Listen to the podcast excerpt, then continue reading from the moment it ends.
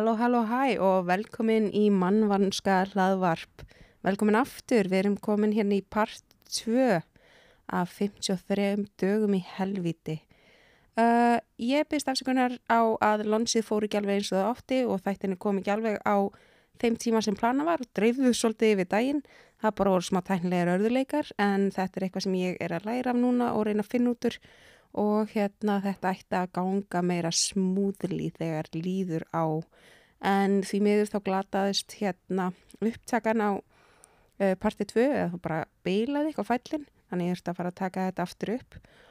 Og ég er bara ekki drosa spennt fyrir því því ég var rosalega ánægð að losa mig við þetta mál því að þetta hefur svolítið leiði á mér í síðustu vikunar á meðan ég er búin að vera að rannsaka þetta mál og þú veist, ég horfið mér þess að það er lifetime mynd um þessa mál og í henni leikur Allison Hannigan eða Willower Buffy, hún leikur Mary og hún er á YouTube, hún er ekkert eitthvað frábær, en þú veist ykkur langar að horfa hana, þá bara hún er frí á YouTube, en hérna ég var bara svolítið feina að losna undan þessu vegna þess að, einmitt, það er ekki fallegur heimur til þess að búi þar sem að þessi hlutir gerast og hérna ég var að segja að þetta hafði svolítið svona áhrif bara á mig í lífinu vegna þess að í dag, bara bókstafli í dag, uh, það var ég í vinnunni og ég vinn í kringlunni, var í matapásu og ég fer upp á klósti, sérst almenningssalnið í kringlunni og ég glemdi að setja sælent afsakið þetta.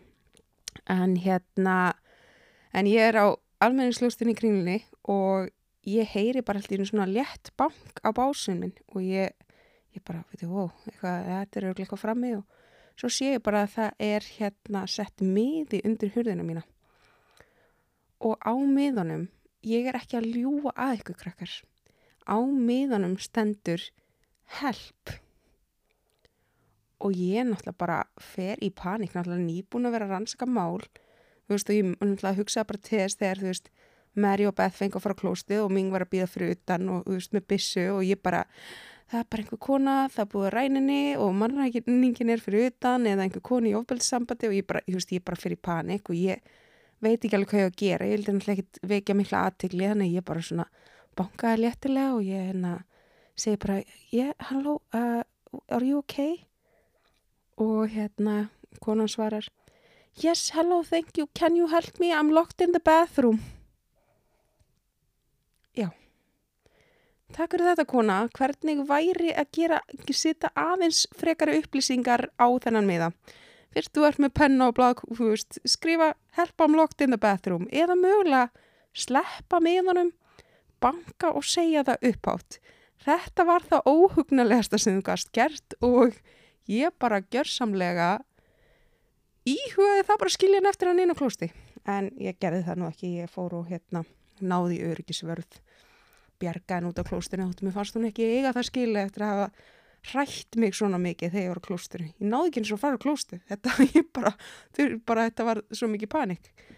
En hérna, ég ætla ekki að hafa þetta leng lengra. Ég ætla að reyndar að þakka rosa mikið fyrir viðtökunar. Það er allir búin að vera bara indislegir og rosa margir að hlusta bara strax hérna. Ég bjóst ekki við þessu. Ég hérna held að það myndi, veist, það mun alveg taka meiri tíma að byggja upp, veist, eitthvað, einhverju hlustendur en ég sé bara, ég er strax bara komið helling og allir úslega jákvæðir og senda mér skilabóð svona og mér bara þykir rosalega væntum þetta, þetta alveg hvetur mann áfram þótt að ég vissulega í dag þegar og í gær þegar ég var vakandi fram kljóðan fjögur og nóttina reyna að koma svolítið inn, þá fór ég að hugsa bara, guðmengóður, ég ætti bara að sleppa svo, þetta er ræðilegt, en svo hérna náði ég að gefa út fyrsta þáttinn og allir voru svo indislegir og ég bara er mjög spennt að halda áfram núna.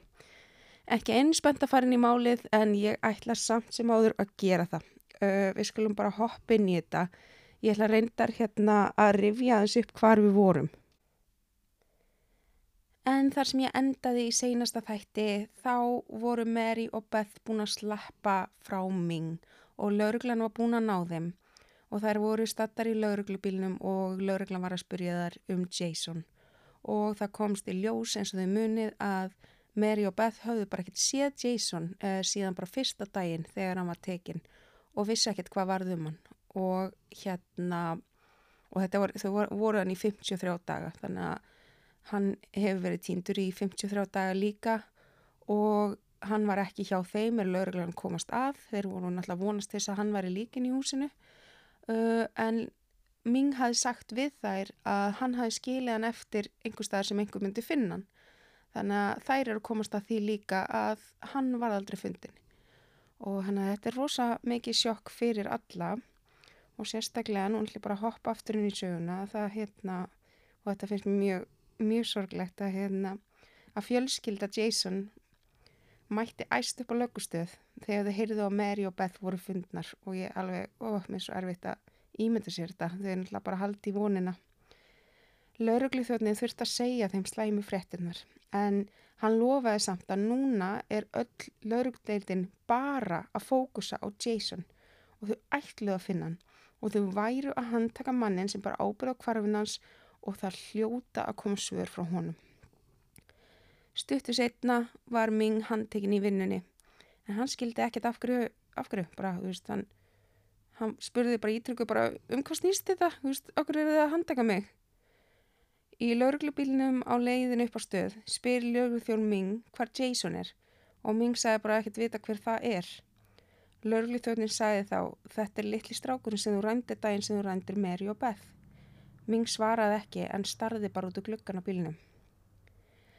Þegar hann var leittur inn á lauruglustöð þá mætti hann Mary og Beth sem voru að klára skýslutöku.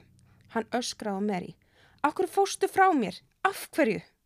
En Mary horfði ekki á hann og vá hvað þetta lítur að vera óþægilegt og var ekki hægt að koma í veg fyrir þetta.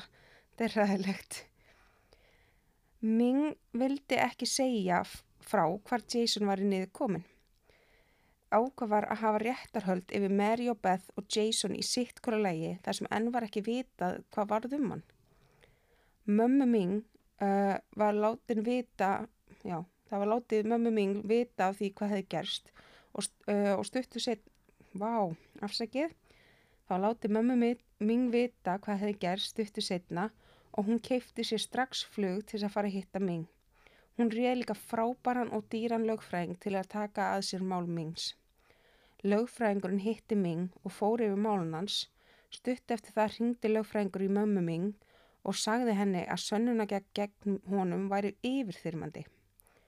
Hann sagði líka að lauruglan vildi tala við Ron sem bjóð með mig, bróðir hans, á meðan þetta átti stað en hann náttúrulega hafði ekkert, veist, Ron vissi ekkert af þessu, það var ekki eins og múin að láta hann vita af því að það var búið að handtaka bróður hans og hvað hefði gerst. En Ron var fljótt hreinsaður á öllum grunumálið og Ming sagði lauruglunni að hann hafði bara ekkert vitað og Mary og Beth gáttu líka staðfesta. Þegar mamma Ming, hún May, gæt loksins hitt svonsinn var það fyrsta sem hún spurði við, spurði við hann. Þetta er frábærlega orðað. Spurði hann, af hverju gerður þetta? Og Ming svaraði, hún myndi mig á þig. Út af árunennar, hún er björnt og hlý og góð manneskja eins og þú. May, mamma Ming og Mary eru óneitilega freka líkar. Þær eru fyrir það fyrsta með sömu uppástafi, stafi, Mary Stauffer og May Sjú. Þær voru báðar litlar, grannar og máluðu sér lítið sem ekkert, klætti sig í íhald saman klæðnað og voru báðar starfræði kennarar. Jæja, núna er komin smá galsi með að lesta í annarskipti en ég held ég það líka stækka letri þegar ég lesta svona símanum. Ok, höldum áfram.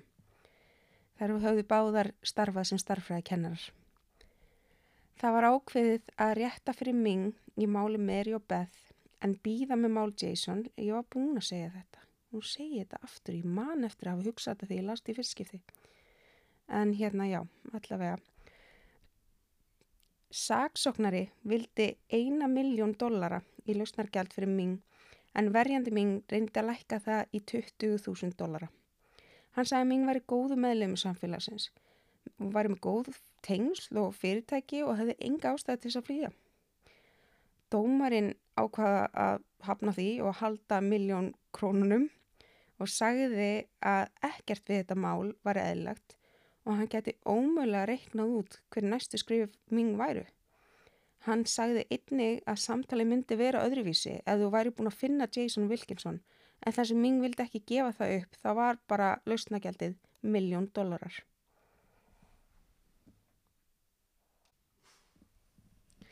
Ming reyndi þá bara að sleppa öðruvísi úr fangelsinu. Hann reyndi að sleppa fangelsinu reynda tvis og sinnum.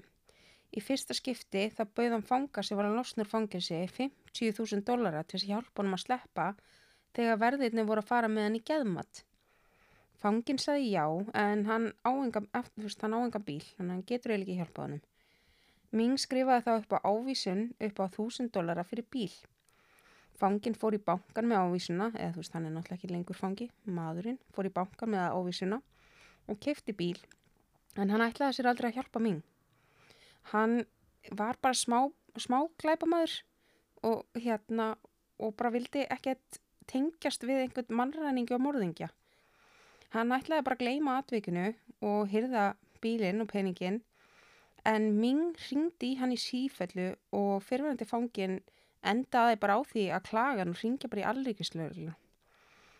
Hann viðkendi að hafa tekið þúsund dólarina uh, en hann hafa aldrei ætti að sér að hjálpa mig. Uh, hann bara vantaði nýjan bíl. Allríkislaurlan tók upp síntilin þeirra milli og komst að því að þetta var satt. Ég gati ekki séð að fangin hafi lendt í einhverjum vandræðum fyrir þess að þúsund dollara sem hann tók og ég held að hann hafi bara fengið að halda bílnum og mér finnst það bara fínt, það var bara ágætt. Setni tilurinn Ming var stuttu setna. Ming kýfti sér alltaf TikTok í fangilsinu og fangvarunum tók eftir því að hann heldi alltaf brefin í ruslið en ekki álpappirinnum sem fylgir kittkottum að þið munið. Eftir mat, einn daginn, sá fangavörum Ming vera grunnsanlegars að nálgast glukka. Hann stoppaði Ming og baði um að fá að sjá hvað var í hendinans. Hann var með skrúfur sem hann hafi losað undan stólum í matsalunum og álpappirinn frá kittkættinu. Hann ætlaði að nota skrúfurnar til að losa glukkan og nota álið til að afvirkja þjóðvöldnuna. En eftir þetta var hann sendur í Max Security og var bara haldinn einum í klefanum sínum. Þegar Ming var loks farið fyrir dóm var verjandans algjörlega búin að skipta um taktíkt. Hann er ekkit lengur að segja að hann sé eitthvað rosa flottur félagstegn með tegist í sam, samfélagið en eitt svo leis. Hann var búin að ákveða að hann ætlar að reyna að uh, verja hann sem sem sagt uh, uh, not guilty by reason of insanity um, að því að hann ekkert sjans fyrir hann að reyna að halda því fram að hann væri saglus því að sönnunagögnin voru bara yfir þyrmandi. Já, hann var náttúrulega bara byrjaði að tala um að Ming væri bara maður með veruleggeður hann vandamálastríða. Hann saði að Ming heyrði rattir og gati ekki stjórna tilfinningum sínum. Hann talaði um atvikið sem kom upp í æsku með íkveikjunvar og þetta þegar hann skar gat á nærböksur hjá mömmu sinni. Einni bar bróður hans vittni um það að Ming hafði oft reynd að skipa honum að fara inn í herbergi móður þeirra og snerta hann í brjóstin. Bróður hans gerði það ekki en myndi alltaf eftir þessu en það fannst honum þetta stórfurðulegt. Rétt eins og hann fannst alltaf bara bróður sinni vera stórfurðulur. Þegar Mary fór svo upp í vittnastúku til þess að bera vittni þá varð Ming brjálaður og hann byrjaði að öskra. Af hverju fóstu frá mér? Af hverju fóstu þennan dag? Réttasalurinn var í uppnámi og dómunan sagði verjandarum að hafa heimil á skjólstæðingi sínum. Verjandir náðu ekki að gera það en það var Ming bara gjörsanlega brjálaður. Kvitamdum var vísa út úr herbygginu og þau tókuð þryggja tíma pásu og meðan Ming róaði sér niður. Þrejum tímum setna þá gatt Mori, Mori, Mori Povits mætti hana og hann gatt eh, látið alltaf taka lega próf og fæðinispróf. Ég er að djóka. Um, Þremtíðin setna gæt Mary bori vittni án þess að eitthvað kom upp á. Saksóknari hefði beðið dómara um að sína upptökunar sem Ming tók í dómsal. Þetta, sérst, við erum að tala um nöðgunar myndböndin og þetta eiginlega, þetta var alveg rosa samtal og saksóknarni myndi endilega sína þetta í dómsal sem við bara algjör óþarfið og verjandi náttúrulega ber, berjast hart gegn því að það er þið ekki gert vegna þess að það er engin heilvita maður að fara að dæma ming saglausan eftir að sé þessi myndbönd en það voru þau bara hróttaleg um, þau sko þetta er eitthvað sem ég skildi ekki. Uh, sérst um, það sko saksókniri vildi meina það að það var nöðsilegt að sína nöðgunarmyndböndin að því að Ming sást laga myndavillin á meðan og þurka svita af höfði í miðjum klíðum þegar þetta var í gangi og sálfræðingur áætlaði að það síndi ásetning og ég er ekki að átta mig á því. Þannig að hann vildi meina að þetta þýðir hann sé ekki bara einhverju geðræringu, hann er með ásetninga því hann er að reyfa myndavélina og þurka svitan. Ég, ég, ég er ekki að ná þessum pælingum. Um, en verjandi ming náttúrulega vildi alls ekki að þetta verði sínt og það endaði þannig að dómarinn ákvaði að leifa sérst spólunar en bara spjallið en ekki nöðgunnar sem að bara meikar fullkomið sens. Um, það eru 8 klukkutímar af spjalli á milli Ming og Mary á þessum myndtökum. Og þau voru sínt, þetta var allt sínt í réttasal og eftir að þetta á búið þá var gravarþögn í salnum. Og það var bara gravarþögn í salnum allan tíman og meðan þetta verið í gangi. Og fólk mann sérstaklega eftir þegar bara rétt fyrir lokin á e, í myndbandinu þegar var náttúrulega bara alveg þögn þá dettur plastpóki sem að Ming notaði til þess að hóta að hérna uh, drepa Beth með á gólfið og heyrist eitthvað svona smá hljóð og það bara, það bara öllum, bara allir taka andköf í hérna réttisalum. Þetta var bara það átakalegt að horfa á. Uh, en í upptökunum kom fram upplýsingar, frekar upplýsingar um hvernig hérna Ming var að eldast uh, við, bara eldir hella, Mary áður en hann tók hana því að hann viðkennir í upptökunum að hann reyndi að brjótast inn, hann var þriðja tilraun til innbrots heim til Mary og Örf. Ming sagði að hann hefði brotist inn til þeirri gegnum kjallaran og borað gat undir rúm þeirra og hlustað á samtalið þeirra inn í söfnherbyggi eða þú veist samtöl og bara allt sem fór þar fram og þetta þetta er svo creepy. Ég, ég, ég höndlit ekki. Ég er bara í alveg farin að kíkja hérna undir rúm, öll rúmin í hérna íbúðinu minni, en þú veist nágra, þú veist ég er samt með, ég er á þriðju hæð, bara þú veist með geggja næs eitthvað nágrána á neðri henni, þeir, þeir, þeir með alveg hlusta samtölu mín, það voru mjög leðileg nei, ég er að djóka. Um En lauruglan fór heim til Meri og Örf til þess að staðfesta þetta og þau fundu vissulega gat undir rúmunu. Fimm geðlagnar skoðuðu ming, bæði fá saksóknara og verjanda og þau fengu alla sömu upplýsingarnar og bara sömu við töl og sömu spurningar þau fengu hérna uh, að sjá myndböndin og öll gögnin og niðurstöðunar frá þeim voru bara öðruvísi eftir hvaða hlið. Þú veist, margir á hlið Ming voru bara já, hann er með paranoid skitsofrenja eða þú veist, hennar geðklofa. Uh, en á hinni hliðinni voru segja bara nei, hann er sérst sociopati, hann er síð, síðblindur og já, það er klárlega eitthvað að Ming við ætlum nú ekki að reyna efast um það. En þetta var svona meira bara spurningum já en gatan stjórna því sem hann var að gera. Veist, var uh, ásetningur var hann í tengsl við raunveruleikan og meðan þessu stóð. Það var svona það sem að þau voru að reyna að komast að í þessum rétturhöldum og það var vissulega alveg mikið sem að uh, gaf til kynna að Ming var ekki alveg í tengsl við raunveruleikan eins og hann hafi sagt, tekið því sem örvar tilkynnaði voru flytt í Philipsea og haldið að það væri Beth að senda hann skilaboð, veist, hann var búin að segja þegar hann var yngra, hann heyrði einhverja rættir, veist, það var alls konar sem gaf til kynna og þú veist, þegar lauruglan var að taka viðtul við hann, þá var hann alveg bara svona, var hann svo, þau voru sín honum myndböndin og hvernig hann brást við, þá voru margi bara, vá, það er eins og að því að hann var bara, ég myndi aldrei gera þetta, þú veist, ég myndi aldrei gera meira í þetta og hann bara svona, nei, þetta er ekki, þú veist, hann bara, var, og var svona verulegi uppnámið, þannig að var alveg svona, eitthvað sem gaf til kynna hann væri ekki í tengsl við raunveruleikan en það var samt svo margt annað sem gaf til kynni þetta voru þrjölplanað og ef hann virkilega heldi að Mary væri ástfanginn af hannum og vildi vera hjá hannum, af hverju var hann þá stanslust með byssun uppi og keðja þær niður? Og hann, hann vissi alveg nákvæmlega að þær vildu ekki vera þarna allavega. En það tók langan tíma fyrir kviðdómundur að dæma í þessu máli. Og þau voru nokkur sinnum og bara sögðu við dómana bara við getum ekki gert það, við erum ekki sammála og, veist, og dómanum alltaf bara farið aftur, farið aftur skoða og það tók þau þrjá daga að, að ákveða og þau uh, sagt, fundu hann segan og hann fekk lífstíðadóm með möguleika reynslilaust eftir 30 ár. En Ming vildi ennþá bara ekkert gefa upp með Jason Wilkman og ég get ekki ímynda mér hvernig fjölskyldinu hans Jason leið á þessum tíma.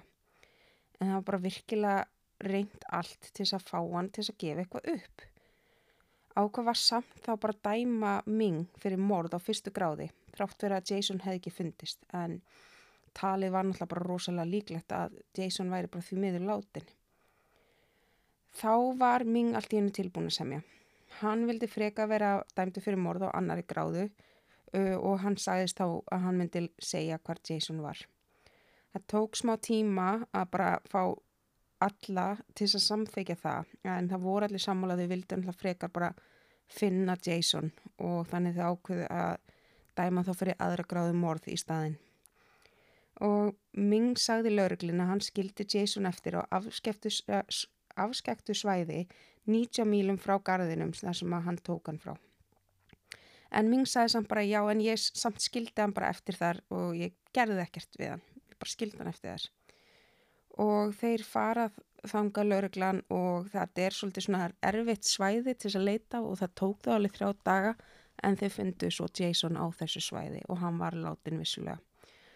Um, og það náttúrulega þurfti þá bara senda hann í krypningu og finna út hvað hefði komið fyrir hann og hérna og bara hvort þetta var satt, hvort hann hefði bara látist að því hann var skilin eftir og komst ekki tilbaka en það væri nú svolítið undarlegt að Jason var samtalið 6 ára gamal þannig að hann hefði vantilega hann hefði verið skilin eftir og það hefði verið allir læg með hann reyndi eitthvað að koma sér tilbaka og hann væri ekkert á þessu svæði þá þá hefði nörgulega fundist einhver starf annars þar en, en hann þurfti náttúrulega að fara í krupningu til að finna út hvað gerðist.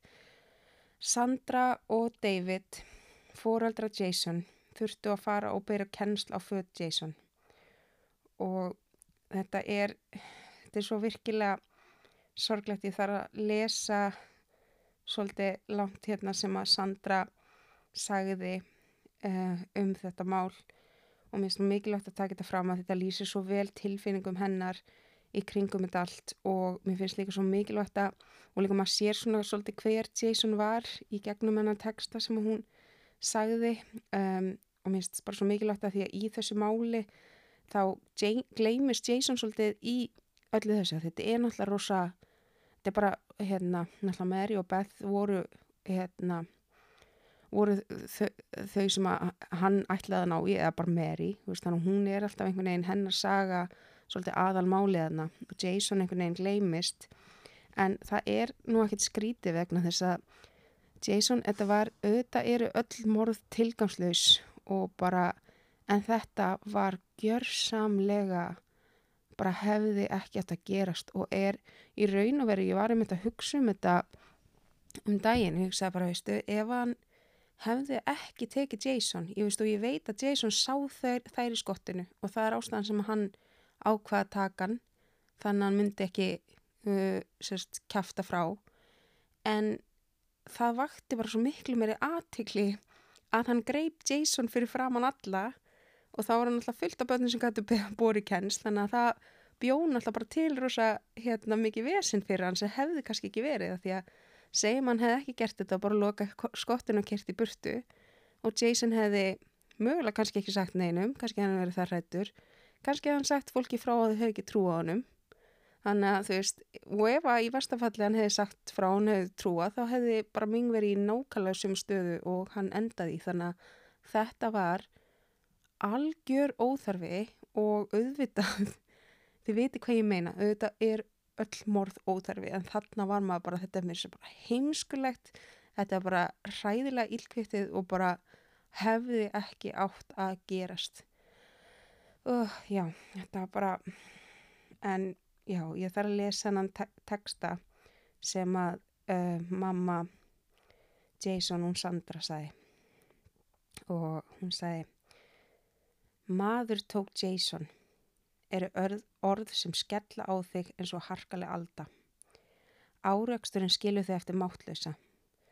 Þú byrði til Guðs að strákunni sem stendur fyrir fram að þig hefur ránt fyrir sér, en hræðslan í augunum hans og ángistinn á táruvota andliðinu hans segja þér að það er ránt. Littla rött hann segir, vondi kallin, vondi kallin kerði í burt með svonðinn. Þú öskrar frá dýft sálarðirnar öskur sem virkar líka með þinn og þú stekkur á stað. Þú hleypur á garðinum þar sem barnið þitt átt að vera að leika sér án áhyggja og saglus. Þú skrækir nafnans aftur og aftur í rödd sem hljómar ekki eins og þín. Þú dettur, stendur aftur upp og heldur áfram að hlaupa að staðnum sem Jason átt að vera að leika. Þú leitar út um allt.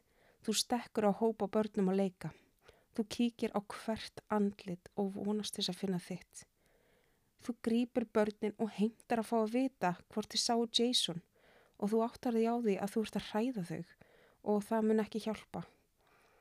En það, er, það sem er verra er að dagsljósið er að hverfa og bráðum verður erfið að leita og þú hugsar hvernig get ég stoppa daginn? Þú vilt að heiminu stoppar. Þú vilt spóla tilbaka. Þú vilt ekki að þetta er að gerast. Þú vilt Jason. Þú vilt halda utanum hann. Þú vilt hann þarna akkurat núna og þú myndir drepa hvern sem kemur á milli þín og hans. En það er enginn til að drepa. Það er enginn og það er enginn Jason. Engur er að tala við þig. Engur er að spyrja hvernig Jason lítur út. Það er lauruglið þjótt og hann er að byggja þau um að lýsa stráknuðinum. Guðmund góður hugsaðu, hvernig lítur Jason út? Það er erfitt að svara hvernig Jason lítur út, af því að Jason lítur út eins og Jason. Bara svona lítill sætur og svo viðkvömmur. Laurugli spyr í hverju var Jason og þú veist það ekki, eða bólur og stuttbuksur bara eins og á hverjum degi til þess að leika. Þú þort að nota allan viljastyrk í að stjórna hugsanuðinum. Þú neyðir því að muna í hvaða lit af ból, í hvaða lit af buksum. Þú spyrði hvort þú heyrir, heyriðir í raun og veru spurningana því ekkert verið þröunverulegt. Þú áttar því skindilega á því að þú ætlar að fá svondin tilbaka þá verður að innbytta þér. Þú verður að hjálpa. Næsta heimsum þín í raunveruleikan er aftur sætið á lauruglubílnum. Þú ert einn eins einn í þessu augnabliki og þú munt nokkur, nokkur tíman verða í lífinu. Þú hugsa um Jason í bíl með ókunnum keirður í burtu í nóttina og það brennur þig eins og heitt straujátt við húð. Óbærilagt. Þú ert með samskapit fyrir að vera svona hrætt því því hugsaður að litli strákur þinn lítur að vera hrættari. Þú beður Guðs. Hann er bara lítið strákur, ó Guð, please. Hann er bara lítið strákur Ég get tekið sársökan en ókvöð plís, hann er bara lítill strákur. Engur er búin að ná í manninu þinn David í gardin. David stendur fyrir utan lauruglubílinn og þau eru að spurja hann, hvernig lítur Jason út? Og þú hugsaður ykkur við hann að bænum hætti að spurja þessa spurningu. Jason lítur út eins og hver annar sexára strákur að leika sér í gardinum á heitum sömar degi. Þannig lítur Jason út. Hann lítur út eins og litli strákur minn og þúsund aðri litli strákar. Hann er í stuppbuksum ból og stregaskóm eins og hver annan líti strákur í þessum gardi. Einu munurinn er að hann er ekkert í gardinum. Engur tókan. Eins og Timmy sagði, það var maður sem stál Jason. Þú neyðist þess að hendi, hugsun, hendi í burtu hugsunum þínum og segja þeim hvernig litli strákurinn lítur út. Þú hugsar Jason. Hann heitir Jason og hann er með ljósskólitað hár og blá augu. Hann er með spjekap undir vinstra augun hans þegar hann brosir. Hann er með björt augu og hann spyrir þúsund spurninga á hverjum degi. Hann er stressaður en sterkur og hleypur vanalega frekar hann að lappa. Hann elskar risaðilur, McDonalds og að leika í baðkarunni í lók dagsins. Og þegar hann ilmar eftir baði sitt að kúru við í rúmunans og byggjum og lesum bæ bækur. Hann er Jason. Þú og David staði hlið við hlið og haldi þjætt utanum hvort annað en þeir er tóm. það vantar einhvað. Það er enginn Jason til þess að verja og sásökin er það slæmur að þú getur vart andað.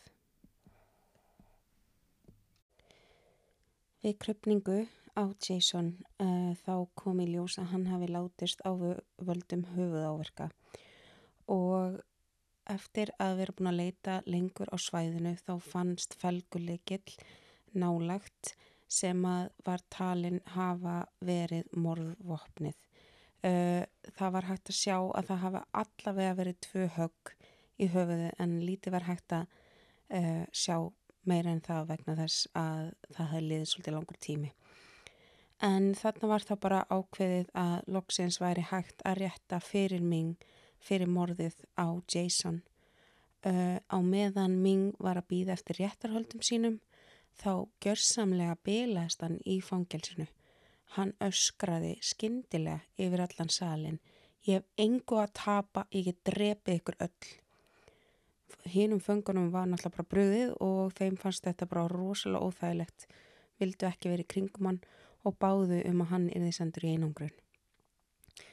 Réttarhöld öfir Ming uh, háfust upp eftir þetta og uh, í fyrir réttarhöldunum með Mary og Beth þá mátt ekkert minnast á Jason af því að það var öðruvísi mál en í þessum réttarheldur mátti tala um allt saman. Það reyndist frekar erfitt að finna kviðdómyndir fyrir uh, þetta mál vegna þess að svo margir hafa svo mikil umfjöllun um fyrramálið hjá Mary og Beth að bara allir vissu af þessu máli og það var erfitt að finna hlutlausa aðila.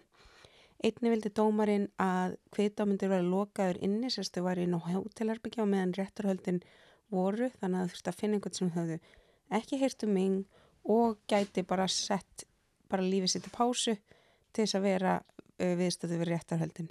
En loksins fundiðu nú marga kviðdámyndir sem gáttu tekið þetta að sér og rétturhöldin hófust. Þetta var svolítið mikið bara það sama að fara yfir þetta reyna samfara að hann hafi verið geðveikur og þetta já, þetta var svolítið bara svona sama sagan en það eftirminnilegast að sem gerðist og ég er ekki að hlæja þetta bara eitthvað kom út svona giggle, nervis giggle var þegar Mary bar vittni hún fór upp og lögfræðingur verjandi hans Ming er svolítið að bara, já, svona, svolítið, ég myndi segja kannski svolítið að viktum bleimana, hann. Er að segja, spyrja hana bara, var eitthvað sem þú gast hafa sagt við mig sem let hann halda að þú elskaðar hann og Mary sagði bara nei, ég var ekki að gera það. Og, og hann held hann bara gæti verið, þú hafi verið að segja eitthvað, einhver biblíuvers eða eitthvað sem að let hann trúa því að þú elskaðar hann. Og hún held hann að segja nei, ég held það nú ekki. Og þá segir hann Manst þú eftir að hafa einhvern tíman sagt að þú elskar allt mannfólk og ming er maður og þess vegna elskar hann. Mary byrjar að svara og segir, já, just, ég man nú ekki. Skindilega heyrist hræðilegt öskur úr réttasalunum og öllu með bröðið. Á tveim sekundum stekkur Ming yfir borðið og í vittnastúkuna og stekkur á Mary. Hann byrjar að öskra. Mér hef ynga að tapa. Ég vill bara vera með henni einu sinni viðbútt. Ég vill bara vera með henni einu sinni viðbútt. Hann er með hníf. Einhvern veginn nær allikinslaulegan að ná honum af Mary en á meðan það verið að draga henni í burtu þá nær hann að skera henni í kinnina. Það þurfti fimm lauruglu þjóna að halda henni niðri en hann bara var alveg stjarfur og sagði ekki orð eftir þetta. Það var farið með Mary á spítalan þar sem hún þurfti 61 spór í kinnina. Já, þetta var ansi erfitt eh, fyrir kviðdámyndir að hugsa ekki um þetta atvik en það lístu þessu mörgum sem bara óg, mest ógæðngjandið sem þau hefðu séð á æfinni. Þau bara, ég mun aldrei gleyma þessu öskri, þetta var bara ræðilegt. Og það var svolítið erfitt að halda á hann með réttarhöldin eftir þetta atvik en því miður þá varð það bara gerast og já, bara áfram með smjörið um, Ming var náttúrulega bara, það var bara verið að dæma fyrir bara annarstegsmorð og þá var það tíu ár, hann var dæmdur segur voru tíu ára á borðinu og sérst hann var komið með hennar 30 ár sem hann geti þá fengið reynslu löst uh, og það ætti bæta við tíu árum, hann ætti að vera 40 ár. En einhvern veginn uh, við lög sem ég náði ekki alveg að skoða inn í þá var þetta vist eitthvað ólulegu dómur að láta hann gera þetta tvent uh, svona consecutively eins og þið tala um bara saman þennan dóm. Og þá einhvern veginn endaði og yrði sérst bara þessi 30 ár á Ming en það er samt nokkuð ljóst og Ming er ennþá í fangilsi að hann mun ekkert fáriðinslust, hann mun ekkert komast úr fangilsi og hann var líka sendur í frekara geðmat þar sem að var ákvarðað að hann var eitthvað sem að kallað er uh, sexual sadist eða bara hugust kynferðluður satisti og að hann myndi klálega brjóta af sér aftur ef hann því einhver tíman sleft út úr fangelsi. Og því sér sagt er búin á, það er búið ákveða það ef hann einhvern tíman fær reynslulegst þá fer hann á meðferðistofnun fyrir kynferðisofbröldumenn þannig að hann, hún verður ekkert sleft um, og eins og segi hann er ennþá í fangelsi í dag Uh, já, manni finnst kannski svona heldur súrt að sagt, að hann fær hérna bara tíu ár fyrir morðið á Jason en maður hugsa samt bara í stóru myndinni hann er ekkert að fara úr fangelsi. Hann er greinilega bara virkilega veikur að geði þessi maður.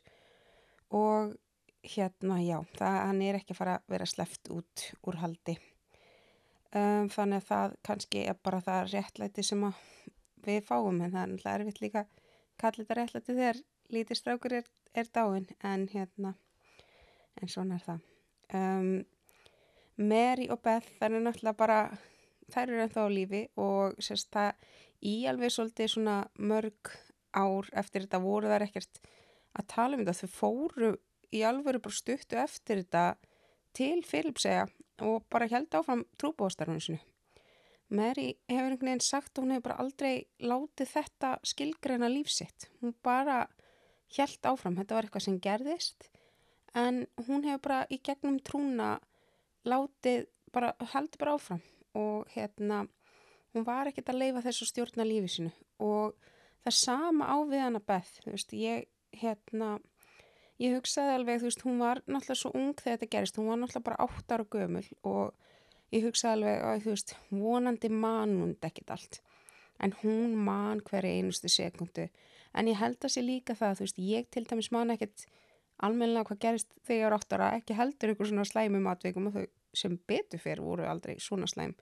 En hérna, en þegar þú ert látið náttúrulega endur taka söguna svona oft hún náttúrulega fór beintið að þurfa að segja löggunni og það eru skýslatökur að segja þetta aftur og aftur og svo segja þetta bara hjá kvikdómendur og svo er það fjölmiðlar og viðtöl og og hún bara er búin að vera að segja þessa sögu síðan hún var áttar á gömul þannig að auðvitað man hún þessa sögu rosalega vel.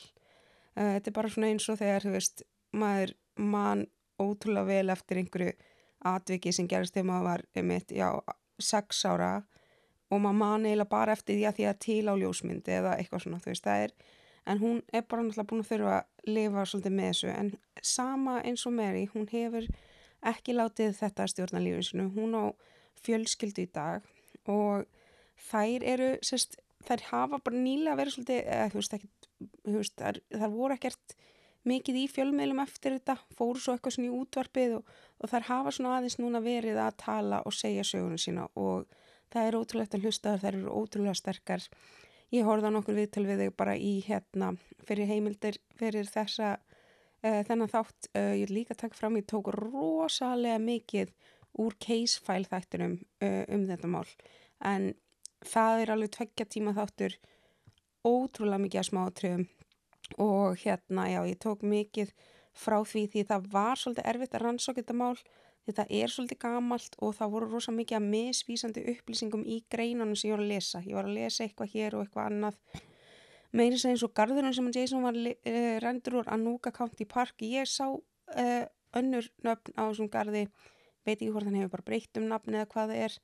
Ég ákvað bara að segja þetta því ég sá það einhverju tveim greinum en hérna getur vel verið að garðurinn heitir eitthvað annað. En hérna en ég ákvað bara að taka mestanna úr keifsfall þetta um að því hann er virkilega vel rannsakaður. En ég tók náttúrulega líka uh, frábæra frásögn og við tölum við þær tvær sem ég fann á YouTube. Og svo horfði ég náttúrulega á þessa Lifetime bíómynd sem er byggða bók sem að Mary skrifaði sem heitir Abducted the Mary Stauffer Story.